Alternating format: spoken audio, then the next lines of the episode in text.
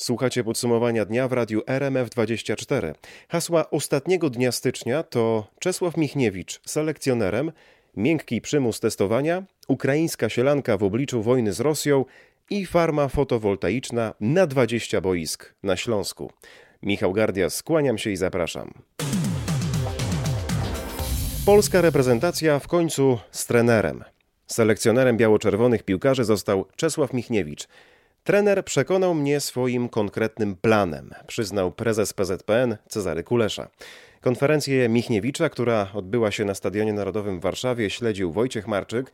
Wiemy tyle, że umowa z nowym trenerem została podpisana do końca tego roku, ale nadal nie wiemy, kto znajdzie się w jego sztabie. Dokładnie jeszcze nie. Michniewicz wyjaśnił jedynie tyle, że będzie chciał współpracować z osobami, z którymi pracował w reprezentacji młodzieżowej, ale dokładny skład sztabu mamy poznać do końca tygodnia. W tym tygodniu nowy selekcjoner chce polecieć do Monachium na spotkanie z Robertem Lewandowskim. Nowy selekcjoner analizował już także grę Rosji, z którą biało-czerwoni zmierzą się w barażu i to mimo, że nie miał jeszcze podpisanego kontraktu. Pracowałem już koncepcyjnie nad tym, co ja bym chciał, jak chciał, żeby moja reprezentacja grała. Analizowałem też grę już Rosjan pod kątem ewentualnie, gdyby to mi zostało to powierzone. Nie miałem pewności, czy ja zostanę szkoleniowcem. Mówił Czesław Michniewicz, który dodał, że na pewno w pracy z kadrą pomoże mu znajomość z zawodnikami, z którymi w przeszłości pracował w reprezentacji młodzieżowej. To był Wojciech Marczyk z redakcji sportowej RMFFM, a podczas poniedziałkowego spotkania z dziennikarzami padały bardzo trudne pytania dotyczące m.in. jego kontaktów z Ryszardem F., pseudonim Fryzjer. Nic złego nie zrobiłem, nie mam żadnego zarzutu i nie byłem świadkiem koronnym, odpowiada Czesław Michniewicz. Fryzjer to piłkarski działacz, który kilkanaście lat temu ustawiał mecze w piłkarskiej ekstraklasie. W podsumowaniu dnia teraz Paweł Pawłowski, który był na konferencji prasowej. Głos w sprawie kontaktów Michniewicza z przestępcą zabrał także prezes PZPN-u. Tak, Cezary Kulesza bronił swojej decyzji, mówiąc... To nie zostało potwierdzone wyrokiem sądowym. A gdzie ten jest wyrok? Jeżeli by był wyrok, to pan Czesław Michniewicz tutaj by z nami nie siedział. Rzeczywiście Michniewicz zarzutów nie usłyszał, żadnego wyroku także nie było, ale jego kontakty z fryzjerem, czyli 711 połączeń telefonicznych w ciągu dwóch lat zostały potwierdzone. Na tę sytuację nerwowo zareagował również sam trener. Proszę pana, pana wypowiedź e, nadaje się do prokuratury i to troszeczkę z drugiej strony niż pan myśli. Mówił selekcjoner do zadającego pytanie dziennikarza. Temat został szybko ucięty, a Michniewicz zadeklarował, że teraz interesuje go tylko zwycięstwo w barażowym meczu z Rosją. A co kibice sądzą o nowym selekcjonerze? Jak się okazuje, wybór Czesława Michniewicza przyjęli z mieszanymi uczuciami. Gorzej być nie mogło. Sprawa fryzjera. 700 połączeń, nie wierzę w to, że tam nic nie było, żadnych machloi. Jeżeli już miałby być, to z polskich trenerów to Nawałka, ale powinien być ktoś obcy, bo to, to nie jest trener, który uczy, tylko trener, który taktykę wprowadza. A nasz, nasza myśl szkoleniowa jest taka, jaka jest. Okej, okay. nie jest źle. No, ma doświadczenie z U21, także Nawałka też by mógł być, no szkoda, ale Czesław Mikniewicz też nie jest zły. Nie? Jakie jest Wasze zdanie? Głosujcie na rmf24.pl. Zaczęliśmy od sportowej informacji dnia, ale teraz zmieniamy temat i mówimy o tym, o czym zapomnieć no, cały czas zwyczajnie się nie da. Prawie 33,5 tysiąca, czyli o ponad 4 tysiące więcej niż tydzień temu, nowych zakażeń koronawirusem potwierdzono w Polsce ostatniej dobę. Zmarły 33 osoby. Michał Dobrołowicz opisze, jak wygląda sytuacja w szpitalach. Coraz więcej pacjentów jest na oddziałach covidowych. Dzisiaj to ponad 15 tysięcy osób, czyli o niemal półtora tysiąca więcej niż tydzień temu. Coraz częściej zakażenie wykrywa się przy okazji przyjęcia do szpitala z innego powodu, przyznaje profesor Krzysztof Tomasiewicz. Praktycznie wszystkie osoby są testowane przed przyjęciem do innych oddziałów. Zapewne jeszcze mamy część pacjentów z deltą, to też musimy brać to pod uwagę. Najwięcej nowych przypadków, bo ponad 5,5 tysiąca ostatniej doby potwierdzono na Śląsku. Na kwarantannie przebywa obecnie ponad 660 tysięcy osób. Od tygodnia kwarantanna dla wszystkich trwa nie 10, a 7 dni. Od najbliższej środy to będzie 5 dni, ale tylko dla medyków i pracowników służb mundurowych. 5502 nowe zakażenia koronawirusem potwierdzono ostatniej doby w Śląskiem. To województwo ponownie z największą liczbą nowych przypadków. Wyraźnie rośnie też liczba chorych na COVID-19, którzy trafili do szpitala. Anna Kropaczek e, mówi o tym, ile osób wymaga opieki lekarzy. Ponad 1800 osób chorych na COVID leży teraz w szpitalach w Śląskiem. To prawie 300 więcej niż tydzień temu. Zajętych jest 56% łóżek covidowych i 53% respiratorów. Wciąż wysoki jest odsetek dodatnich wyników w puli wykonanych badań. W skali całego regionu wynosi 41%. Od dziś test na koronawirusa można zrobić w kolejnym dużym punkcie wymazowym. Został on uruchomiony w Gliwicach przy hali Arena. W tym miejscu możliwe będzie pobranie nawet tysiąca próbek dziennie. Zapis ustawy jest dość jasny. Generalnie zakłada ona możliwość powszechnego testowania, a w zasadzie taki miękki przymus takiego testowania. To słowa posła PiS Bolesława Piechy, który w porannej rozmowie w RMFFM oceniał nową ustawę covidową. Przypomnę, że zakłada ona, że każdy pracownik będzie mógł raz w tygodniu bezpłatnie testować się na obecność koronawirusa. Pracodawca będzie mógł wymagać wyników. W projekcie jest też pomysł odszkodowań za zarażenie się koronawirusem w miejscu pracy. Właśnie, miękki przymus. Dobrze pan to określił, bo y, miękki to rozumiem, że nikt nas nie doprowadzi do testu siłą przy użyciu policji, ale przymus dlatego, że jeżeli się nie przetestujemy, to jeżeli ktoś i, i zakazimy kogoś, to będziemy musieli zapłacić nawet 15 tysięcy złotych kary.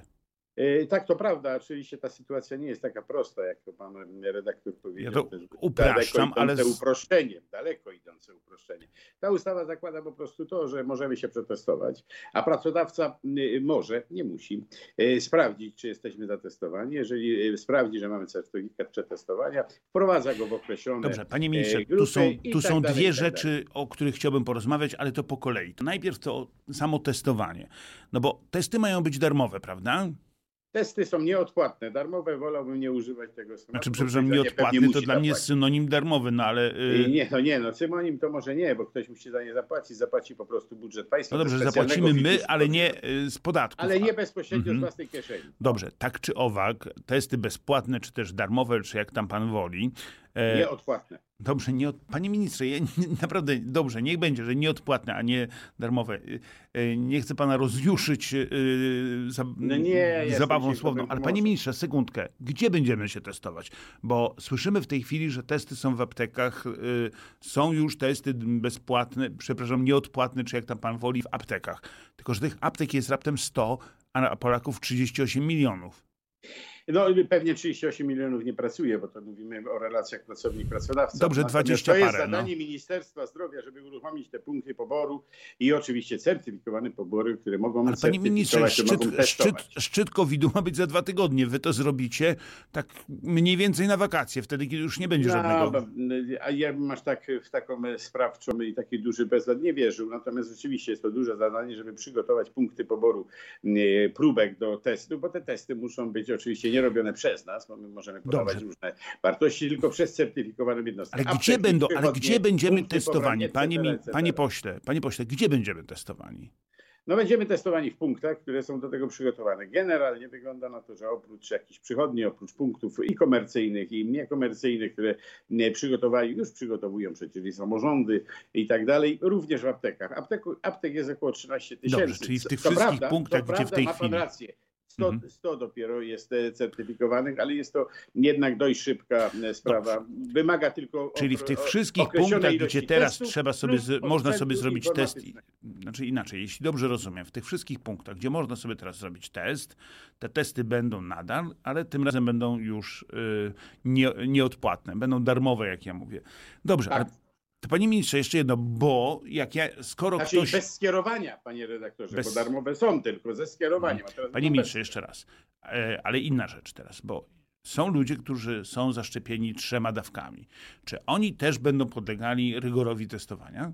Tak będą podlegali rygorowi testowania. Musimy wiedzieć jedną rzecz. E, szczepienia znakomicie chronią nas przed ciężkością przechorowania, czy wreszcie tragicznymi skutkami, czyli śmiercią. Nie chronią nas przed zakażeniem, ponieważ wariant tej pierwszej alfa odmiany koronawirusa jest zupełnie inny. Tyle mówiliście o, o, zaletach paszportów covidowych. Tyle o tym opowiadaliście. Ja dalej, panie redaktorze, podtrzymuję, że zalety paszportu covidowego Ale są ważne.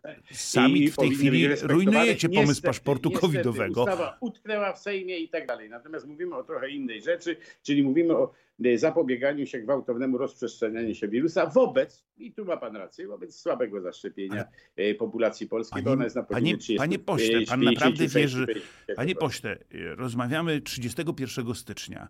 Wedle wszelkich matematycznych wyliczeń za dwa tygodnie będzie e, apogeum e, tej fali koronawirusa. Jeżeli ta ustawa w ogóle zostanie przegłosowana przez Sejm, o tym jeszcze za chwilę, jeżeli zostanie podpisana jakimś cudem przez prezydenta, jeżeli w ogóle przejdzie przez Senat i tak dalej, i tak dalej, to kiedy ona będzie obowiązywać? Tuż po tym, jak się skończy nam COVID, tak? Nie no, ona będzie obowiązywać jeden dzień po wejściu w życie, czyli po mhm. podpisaniu i opublikowaniu. No Natomiast dobrze. cała procedura, proszę mnie, proszę mnie E, tutaj nie przepytywać, jak to będzie wyglądało w sekwencji zdarzeń. No nie, ale dobrze, to jest tam jest, jeżeli już. Tam jest jeszcze jedna bardzo na, ważna sprawa. Na najbliższym sprawa. posiedzeniu Sejmu, niezwłocznie przekazana do Senatu i niezwłocznie podpisana no, przez prezydenta, rychło, przy czym cały czas. czas muszą trwać prace przygotowawcze po to, żeby zmierzyć się z dużą ilością, bardzo dużą ilością testów. Panie pośle, bo tu jest jeszcze jedna wątpliwość. Otóż ta ustawa zakładu, zakłada e, no, wzajemne donoszenie na siebie. Otóż jeśli ja... A, no to jest duże nadużycie. Dobrze, to teraz powiedzmy, co ustawa zakłada, bo pan nie lubi słowa e, donoszenie. Pan nie lubi też słowa darmowy, bo pana zdaniem nieodpłatny nie jest synonimem darmowego, ale po kolei. Otóż pracodawca ode mnie wymaga testu. Są tacy, którzy się postanowili nie przetestować. Nie, z jakiegokolwiek powodu. I teraz, jeśli pracownik zarazi się koronawirusem, i jeszcze w dodatku podejrzewa, że to w pracy i podejrzewa, że to od kolegi, to on może donieść na kolegę, znaczy powiedzieć, że to od kolegi. E... No nic takiego w ustawie nie jest zapisane. No jak to nie? On będzie miał, mógł złożyć tego, to, że zaraził się w zakładzie pracy. Tak. Pracodawca będzie musiał sprawdzić, czy w swojej grupie pracowników ma osoby niezaszczepione. Mm -hmm. Jeżeli ma osoby niezaszczepione, a wniosek spełnia pewne kryteria no, prawdopodobieństwa, czyli że mógł się zakazić tylko i wyłącznie w zakładzie pracy, będzie odpowiedzialny i będzie musiał wypłacić odszkodowanie. To odszkodowanie jest to wcale niebagatelna kwota, bo 15 tysięcy 15 tysięcy złotych. Tylko to jest tak, ja muszę udowodnić, że e, zakaziłem się w pracy uprawdopodobnić. Uprawdopodobnić. Znowu będziemy się pewnie To jest bardzo dobre, bardzo dobre. zakażenie no. z pracy. Mhm. To był poseł Bolesław Piecha z Prawa i Sprawiedliwości i Robert Mazurek. Cała poranna rozmowa, tak jak podsumowanie dnia, czeka na Was na rmfon.pl w zakładce podcasty. Warto posłuchać całego wywiadu, bo poruszane są bardzo istotne wątki. Dodam tylko, że posiedzenie Sejmowej Komisji Zdrowia poświęcone właśnie projektowi ustawy trwało w poniedziałek zaledwie kilkanaście minut. Większość poparła wniosek posła Koalicji Obywatelskiej Rajmunda Millera o odroczenie posiedzenia do wtorku do godziny 15, czyli politycy projektem w ogóle się nie zajęli. No, sprawa jest dziwna. Posiedzenie miało się rozpocząć o 16, jednak przewodniczący poprosił o godzinę przerwy, bo na sali nie było przedstawiciela Ministerstwa Zdrowia. O 17 sytuacja się nie zmieniła i Tomasz Latos rozpoczął jednak obrady od kwestii formalnych. Pierwszy wniosek o odroczenie posiedzenia upadł 20 głosów przeciw do 19 za. Zaraz potem decydowano kolejny raz o przerwie i wniosek przeszedł 20 za 19 przeciw. Wcześniej jednak klimat posiedzenia oddał dialog zarejestrowany przez kamery, dialog dwóch posłanek Koalicji Obywatelskiej Katarzyny Lubnauer i Krystyny Skowrońskiej. Czy koledzy z PiSu są, żeby się przyznać do tego bubla? Coś, ta ustawa już jest sierotą. No, pana posła Rychlika zostanie pan sam z tą... Już, już sierota, chodź. Już sierota te kolejne. Poseł Paweł Rychlik, y, dodam, miał uzasadniać projekt, a kolejne posiedzenie jutro o 15. To był Krzysztof Zasada. Pomysł jest dobry, niestety mało realny. Tak lekarze komentują projekt nowej ustawy o walce z pandemią. Co wzbudza ich wątpliwości? W podsumowaniu dnia ponownie Michał Dobrołowicz. Na przykład specjalista chorób zakaźnych profesor Ernest Kuchar pyta, kto będzie wykonywać te miliony testów. Proszę zwrócić uwagę pomysł z aptekami. Po pierwsze, pomysł może być dobry, ale pytanie, czy jest realny. Mam wrażenie, że to jest piąta fala, nie pierwsza, nie druga, nie czwarta. Pewnie, że mogło być gorzej, ale osobiście jestem trochę zawiedziony. Lekarze dodają, że w nowym projekcie ustawy nie ma ani słowa o szczepieniach, a w innych europejskich krajach, które już wychodzą z pandemii, luzują obostrzenia, właśnie sprawdzanie certyfikatów covidowych i szczepień było podstawą walki z koronawirusem. Zamykając jeszcze temat zdrowia, teraz o nadziei na to, że lek przeciwnowotworowy może pomóc w zapobieganiu najcięższym przebiegom COVID-19. Taką informację przekazali naukowcy z Madrytu. W te ważne doniesienia wczytał się Grzegorz Jasiński. W swojej najnowszej analizie wskazują kilka środków o podobnym działaniu. Tak, chodzi o zapobieganie nasileniu procesów zapalnej i groźnej tzw. Tak burzy cytokinowej, przy której działanie układu odpornościowego pacjenta wymyka się spod kontroli. Hiszpanie przeanalizowali z jednej strony wyniki badań zmian ekspresji genów pod wpływem koronawirusa, z drugiej bazę około 5 tysięcy substancji, które mogą te zmiany ograniczyć. Na tej podstawie stworzyli listę potencjalnych leków, które powinny obniżyć śmiertelność COVID-19. Jest na niej m.in. deksametazon, który już w ciężkich przypadkach się stosuje. Są także wspomniane leki przeciwnowotworowe, blokujące białko o nazwie MEK, biorące udział w stymulowaniu podziałów komórkowych. Co ważne, to właśnie są środki, które mogą być stosowane u pacjentów w ciężkim stanie. O czym mówił nasz dziennikarz z redakcji naukowej Grzegorz Jasiński. Podsumowaniu dnia teraz e, istotne tematy, o których mówi cały świat. Na duże prawdopodobieństwo rosyjskiej inwazji na Ukrainę zwracała uwagę w niedzielę brytyjska minister spraw zagranicznych Liz Truss. W Czernichowie na północy Ukrainy, niedaleko rosyjskiej granicy, jest nasz specjalny wysłannik Mateusz Chłystun, który w poniedziałkowych faktach relacjonował, jakie nastroje panują wśród naszych wschodnich sąsiadów, a konkretnie wśród mieszkańców tego ukraińskiego miasta. Żadnej wojny nie będzie, czy Łukaszenka to nasz brat. Takie komentarze usłyszałem na ulicach Czernichowa, zwłaszcza od starszych mieszkańców miasta. Czernichów w żadnym fragmencie nie przypomina miejsca, które może być narażone na potencjalne wtargnięcie rosyjskich wojsk.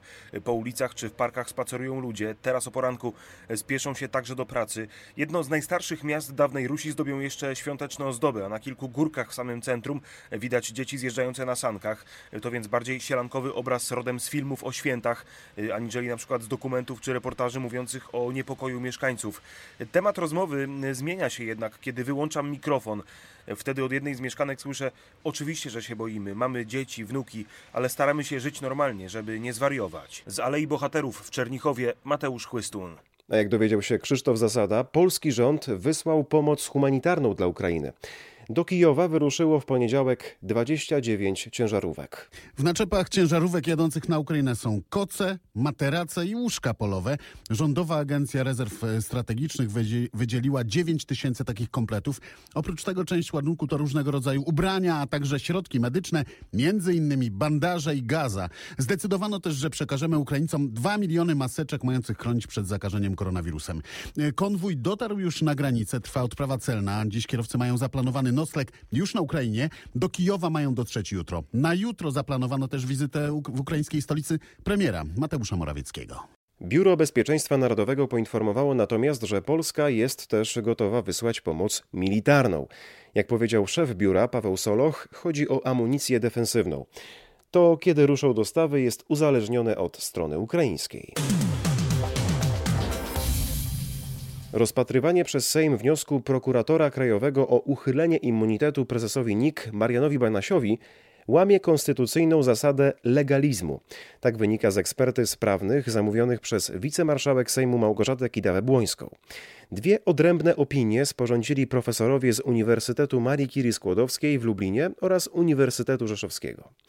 Dlaczego eksperci mówią o łamaniu prawa? O tym również Krzysztof Zasada. Dowodzą, że wniosek, y, który trafił do Sejmu, ma błędy formalne. Zgodnie z przepisami powinien go podpisać y, prokurator generalny Zbigniew Ziobro. Natomiast pod dokumentem widnieje podpis jego zastępcy, prokuratora y, krajowego Bogdana Święczkowskiego. Mógłby wysłać ten wniosek, gdyby Ziobro upoważnił go zarządzeniem. Jednak takiego zarządzenia nie ma. Według profesorów prawa, jeśli na podstawie tego wniosku Sejm zdecydowałby o uchyleniu immunitetu Marianowi Banasiowi, takie rozstrzygnięcie będzie nieskuteczne. To oznacza, że prezes NIK zachowa immunitet immunitet i nie będzie mu można postawić zarzutów. W zeszłym tygodniu Sejmowa Komisja Regulaminowa zaakceptowała wniosek y, prokuratury dotyczący immunitetu. Na razie nie wiadomo, kiedy sprawą na posiedzeniu plenarnym zajmie się cały Sejm. A wspomniany przez Krzysztofa prokurator krajowy Bogdan Święczkowski oficjalnie został kandydatem na sędziego Trybunału Konstytucyjnego. Jego kandydaturę zgłosiła grupa posłów Prawa i Sprawiedliwości. Potwierdziły się więc informacje reporterów RMFFM z początku grudnia. Tym tematem zajął się Tomasz Skory, który wyjaśnia, co oznacza to zgłoszenie. No, dla samego Bogdana Święczkowskiego, jeśli będzie wybrany, miękkie lądowanie pod osłoną immunitetu sędziego Trybunału Konstytucyjnego po kilku latach kontrowersyjnych działań w roli najbliższego współpracownika Zbigniewa Ziobry. Odejście Święczkowskiego z funkcji szefa prokuratury krajowej oznacza też poważne przetasowanie w tej instytucji, bo ktoś musi go przecież tam zastąpić. Politycznie zaś podpisy posłów PiSu można uznać za potwierdzenie wciąż istniejących wpływów Zbigniewa Ziobry w koalicji, a szerzej wprowadzenie Święczkowskiego na miejsce po sędzim Leonie Kieresie oznacza, że w Trybunale Konstytucyjnym już wszyscy sędziowie powołani będą głosami Prawa i Sprawiedliwości. Nawet kilka dni może potrwać usuwanie awarii energetycznej w okolicach Drawska Pomorskiego. Po wichurze, która przeszła nad zachodniopomorskiem w weekend, prądu nie ma nadal ponad 40 tysięcy odbiorców. Sytuacja jest bardzo trudna, mówi naszej reporterce Annecie Łuczkowskiej młodszy brygadier Andrzej Podolak, zastępca komendanta Straży Pożarnej w Drawsku Pomorskim. Co chwilę przy próbie załączenia energii elektrycznej pojawiają się nowe przerwy, e, jedziemy, sprawdzamy, się okazuje, że gdzieś tam w innych rejonach no, zawalone są drzewa, które, które zalegają na liniach energetycznych. Wykorzystacie też do tego drony? Tak, e, podjęliśmy tutaj decyzję o uruchomieniu dwóch dronów, które będą e, po prostu nadzorować te najważniejsze linie energetyczne e, i lokalizować miejsca, gdzie leżą drzewa, ponieważ jest bardzo dużo miejsc, gdzie się po prostu nie da dojechać, bardzo często nie da się dojść, a to są dziesiątki kilometrów linii energetycznych, które trzeba fizycznie sprawdzić. W całym powiecie działa tak zwana infrastruktura krytyczna. W rejonie Drawska Pomorskiego zasilanie ma Straż Pożarna, Policja i szpital. W okolicy działają też dwie stacje benzynowe. Do jedynych czynnych w Drawsku dystrybutorów paliwa ustawiła się za dnia spora kolejka. To jest jedyna stacja w okolicy, która działa? Tak, w tej chwili. Ile pan czekał w kolejce? No, z 15 minut. A po co pani tyle paliwa? E, do agregatu, żeby uruchomić coś w domu. Jak się żyje bez prądu? Bardzo źle. Trzeba się przyzwyczaić przecież, nie? No, co? no nie ma prądu i trudno się mówi przecież, nie? A jak herbatę zrobić? No nie, no gaz jest przecież, nie? A wieczorami? No co, normalnie się siedzi, no co? Przy świeczce? Yy, no oczywiście przy świeczce i za, przy zapachowych świeczkach i się posłucha i tam muzyki jakieś tak samo, radio też na baterię. No, wszystko tego, no telewizor nie musi być. Usłyszała nasza reporterka Aneta Łuczkowska. Trudne warunki były niemal w całym kraju, również na południu. Ponad 1300. Tyle razy musieli interweniować w niedzielę strażacy w Śląskiem. W Katowicach wichura częściowo uszkodziła dach 13-piętrowego wieżowca. Zerwane elementy zawisły bezpośrednio nad wejściem do budynku. Akcja strażaków trwała tam 8 godzin. Korzystaliście z lin, tak jak alpiniści? Początkowo staraliśmy się wykorzystać sprzęt, który jest na wyposażeniu naszych jednostek katowickich, natomiast z uwagi na silne podmuchy wiatru nie było możliwości rozstawienia drabiny mechanicznej. E, na miejsce zadysponowana została specjalistyczna grupa e, ratownictwa wysokościowego, która właśnie przy pomocy technik alpinistycznych, sprzętu alpinistycznego e, usuwała, zabezpieczała ten element na dachu. Z Adamem Krylą z Katowickiej Straży Pożarnej rozmawiał nasz reporter Marcin Buczek.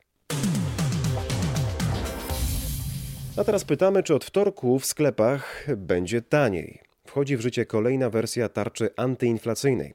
Przypomniał na konferencji prasowej rzecznik rządu Piotr Miller. Jest to m.in. obniżka VAT-u na paliwa z 23 do 8%, co oznacza, że to będzie kilkadziesiąt groszy mniej na litrze paliwa widoczne już od jutra. To również obniżenie VAT-u z 5% do zera e, na podstawowe produkty żywnościowe. To również obniżenie e, VAT-u na gaz z 8 do 0%, na ciepło e, obniżenie do 5% i na nawozy z 8% do 0%. Obniżone stawki podatku mają obowiązywać do 31 lipca. Od 1 lutego również zmiany w handlu. Uszczelniono przepisy i dyskonty nie będą mogły otwierać się w niedzielę jak placówki pocztowe. To jeszcze coś w temacie szeroko rozumianego biznesu. Największa farma fotowoltaiczna w Polsce powstanie na Śląsku, w Mysłowicach. Aż 94 tysiące paneli zostanie tam zainstalowanych na terenie o powierzchni 22 boisk piłkarskich.